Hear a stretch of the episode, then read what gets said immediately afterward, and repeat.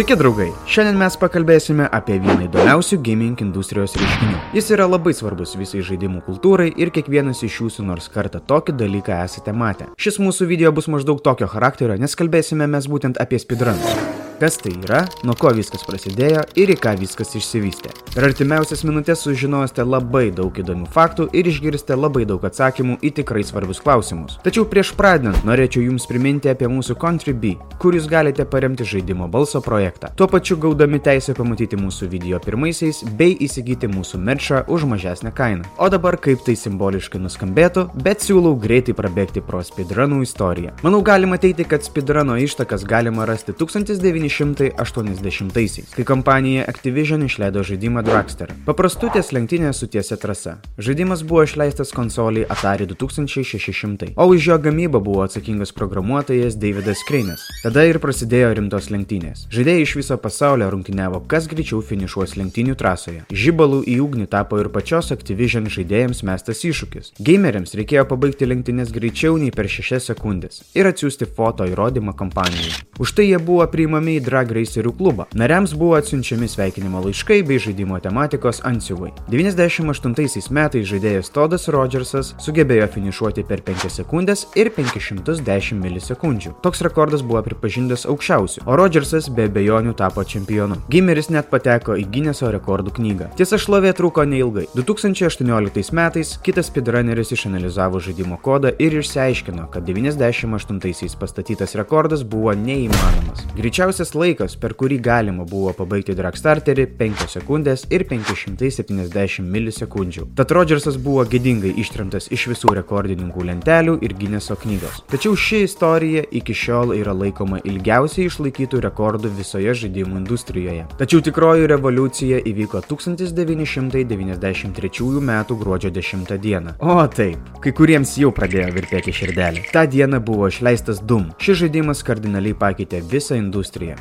Drįšiau teikti, kad yra žaidimai ir žaidėjai prieš juos ir po dūmų. Tada ir prasidėjo tikroji speedrunų istorija. Džono Karmuko ir Džono Romero projektas tapo tikrų desert skubaus perėjimo mylėtojams. ID Software pateikė žaidėjams tuo metu labai įdomią galimybę. Kiekvienas norintis galėjo be problemų įrašyti nedidelį savo žaidimo fragmentą. Daugiau nebuvo reikalo fiksuoti savo rekordus senu polaroidu. O kadangi įrašytas failas sveria labai nedaug, gameriai aktyviai pradėjo įrašinėti savo greičio žaidimą ir dalintis juos su bendraminčiais. Su laiku žaidėjai patys pradėjo kurti savo žemėlapį su tam tikromis sąlygomis. Pavyzdžiui, pagal kokią nors užduotį reikėjo tiesioginę to žodžio prasme sumušti visus demonus. Taip taip, jokių šautuvų. Pragaro niekšus reikėjo užkalti savo rankomis. Kuo greičiau tai buvo padaryta, tuo daugiau taškų žaidėjas gaudavo. Džonas Romero prisipažino, kad tokios sėkmės jis nesitikėjo. Buvo galvojama, kad žaidėjai įrašinė savo žaidimą tik tam, kad galėtų pasigirti savo skillais. Tačiau, kad jie pradės rungtyniauti tarpusavyje greičiai, buvo už Romero vaizduotės ribų. O tuo metu Dūmo speedruno bendruomenė sparčiai vystėsi. Buvo rengiamos rungtynės ir net kuriami tinklapiai, kuriuose buvo galima rasti rekordų lentelę, titulus ir įvairiausius achievementus už Dūmo greitą perėjimą. Žaidėjai pradėjo dar labiau varžytis,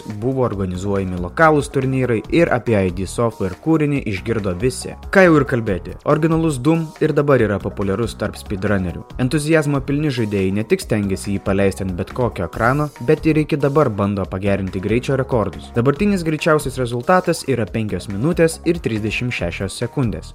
Tačiau ID Software nebūtų ID Software be legendinio žaidimo Quake. Ir koks sutapimas? Šis projektas dar labiau išpopuliarino speedrunus. 1996 metais išleistas Quake taip pat leido žaidėjams įrašinėti savo žaidimo procesą ir juo dalintis. Pagal kuriejų sumanimą gameriai turėjo perėti Quake per keletą valandų. Tačiau greituoliai pasižymėjo ir čia. Žaidimas buvo perbėgtas greičiau nei per 15 minučių. Čia reikia atsiminti žinoma Quake Done Quick. Tai yra speedrunų serija, kurioje dalyvavo iš karto keletą žaidėjų. Norint pasiekti kuo geresnio rezultato, žaidėjai turėjo įvairiausius triukus, tarp kurių ir daugeliu žinoma mechanika pavadinimu Bunny Hopping, kuri leido gameriams judėti itin greitai. Tačiau yra vienas bet jokių čytų. Apie tokias sąlygas aš papasakosiu kiek vėliau. Na, o 1997 metais savo darbą pradėjo pirmasis Quake įrašų saugojimo tinklapis, kur buvo talpinami šios šaudyklės speedrunai speedrunai. Jis turėjo pavadinimą Nightmare Speed Demos. Dabar būtent tokio tinklalapio jūs nerasite, tačiau egzistuoja jo analogai, pavyzdžiui Speed Demos Archive. Verta paminėti ir tai, kad Quake, kaip ir Doom, yra žaidžiamas iki šiol. Dabartinis pasaulio rekordas yra 11 minučių 47 sekundės. Tačiau grįžkime prie speedruno cheatų ir ypatingų sąlygų. Norint išsiaiškinti, kas ir kaip, būtina žinoti žaidimo greito perėjimo rušis. Jų iš viso yra keturi. Pirmasis tipas Any%. Jis yra laisviausias iš visų.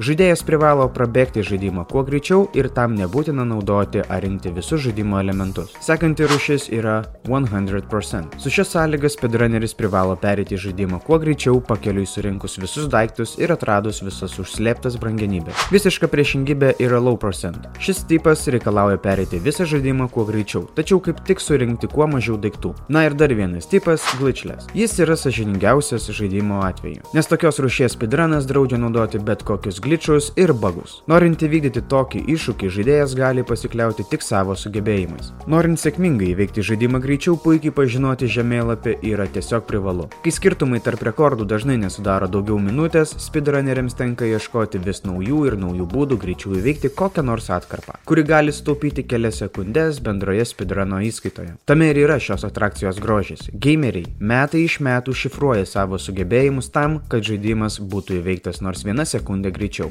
Savo ypatingą vaidmenį speedrunų pasaulyje turi ir kiti žinomi žaidimai. Pavyzdžiui, Metroid serija. Metroid pasaulis buvo plačiakraštis ir tai suteikdavo žaidėjams galimybę sugalvoti savo asmeninį speedruno maršrutą, kuris galėjo kardinaliai skirtis nuo kitų. Taip pat šioje Nintendo franšizėje buvo nemažai platformingumo elementų, kas leido gameriams treniruoti ir demonstruoti savo sugebėjimus. Dėl šių niuansų serija Metroid tapo tikru atradimu greito perėjimo mėgėjams. Kaip ir kitas projektas pavadinimu Half-Life. Valve kūrė šį projektą be jokių video video intarpų. Na, o jeigu žaidėjų niekas nestabdo, kodėlgi nepaversti šio žaidimo į speedrun poligoną. Šiame projekte gameriai dažniausiai naudodavo greituosius šuoliukus, kas leido efektyviai judėti per visą žemėlapį ir išsisukinėti nuo priešiškų šovinių. Aišku, yra ir kitų būdų norint perėti Half-Life. Yra gudruolių, kurie naudojo įvairiausias mechanikas su žemėlapių lygių keitimo trigerinimu ir išsisaugojimo naudojimu. Ar tai yra sąžininga? Tikriausiai ne. Bet tai taip pat yra speedrunas. Šiais laikais sunku surasti žaidimą, kuris nebuvo pereitas greičiau. Tai jau yra tapęs svarbiu svarmeniu visoje gamingo kultūroje. Kuo toliau, tuo labiau žmonės iškelia savo įvairiausius iššūkius ir sąlygas. Vieni bando pereiti žaidimą greičiau užrištomis akimis, kiti bando papildyti savo kančias valdant žaidimą kokiu nors Dance Dance Revolution kilimėliu. Tokiais momentais atrodo, kad žmogaus vaizduotė begalinė ir kažkada mes sulauksime kažko tikrai. Tikrai beprotiško. Na, o kol kas speedrunneriai rungtyniauja kiekviename žaidime, kas tikrai negali nedžiuginti. Tai yra kultūra ir ji yra gyva. Na, o mes pabaigėme šiandienos video. Tikiuosi, kad jums patiko šis mūsų darbelis ir jūs sužinojote savo kažko naujo. Tam juk jūs čia ir renkatės. Kaip atsakai mūsų pastangas, mes te laukiame laiko, įdomaus komentaro ir prenumeratos. Taip pat nepamirškite varpelio, kuris visada primins apie mūsų naujai išleistus video. O šiandien su jumis atsisveikinu. Iki kito susitikimo.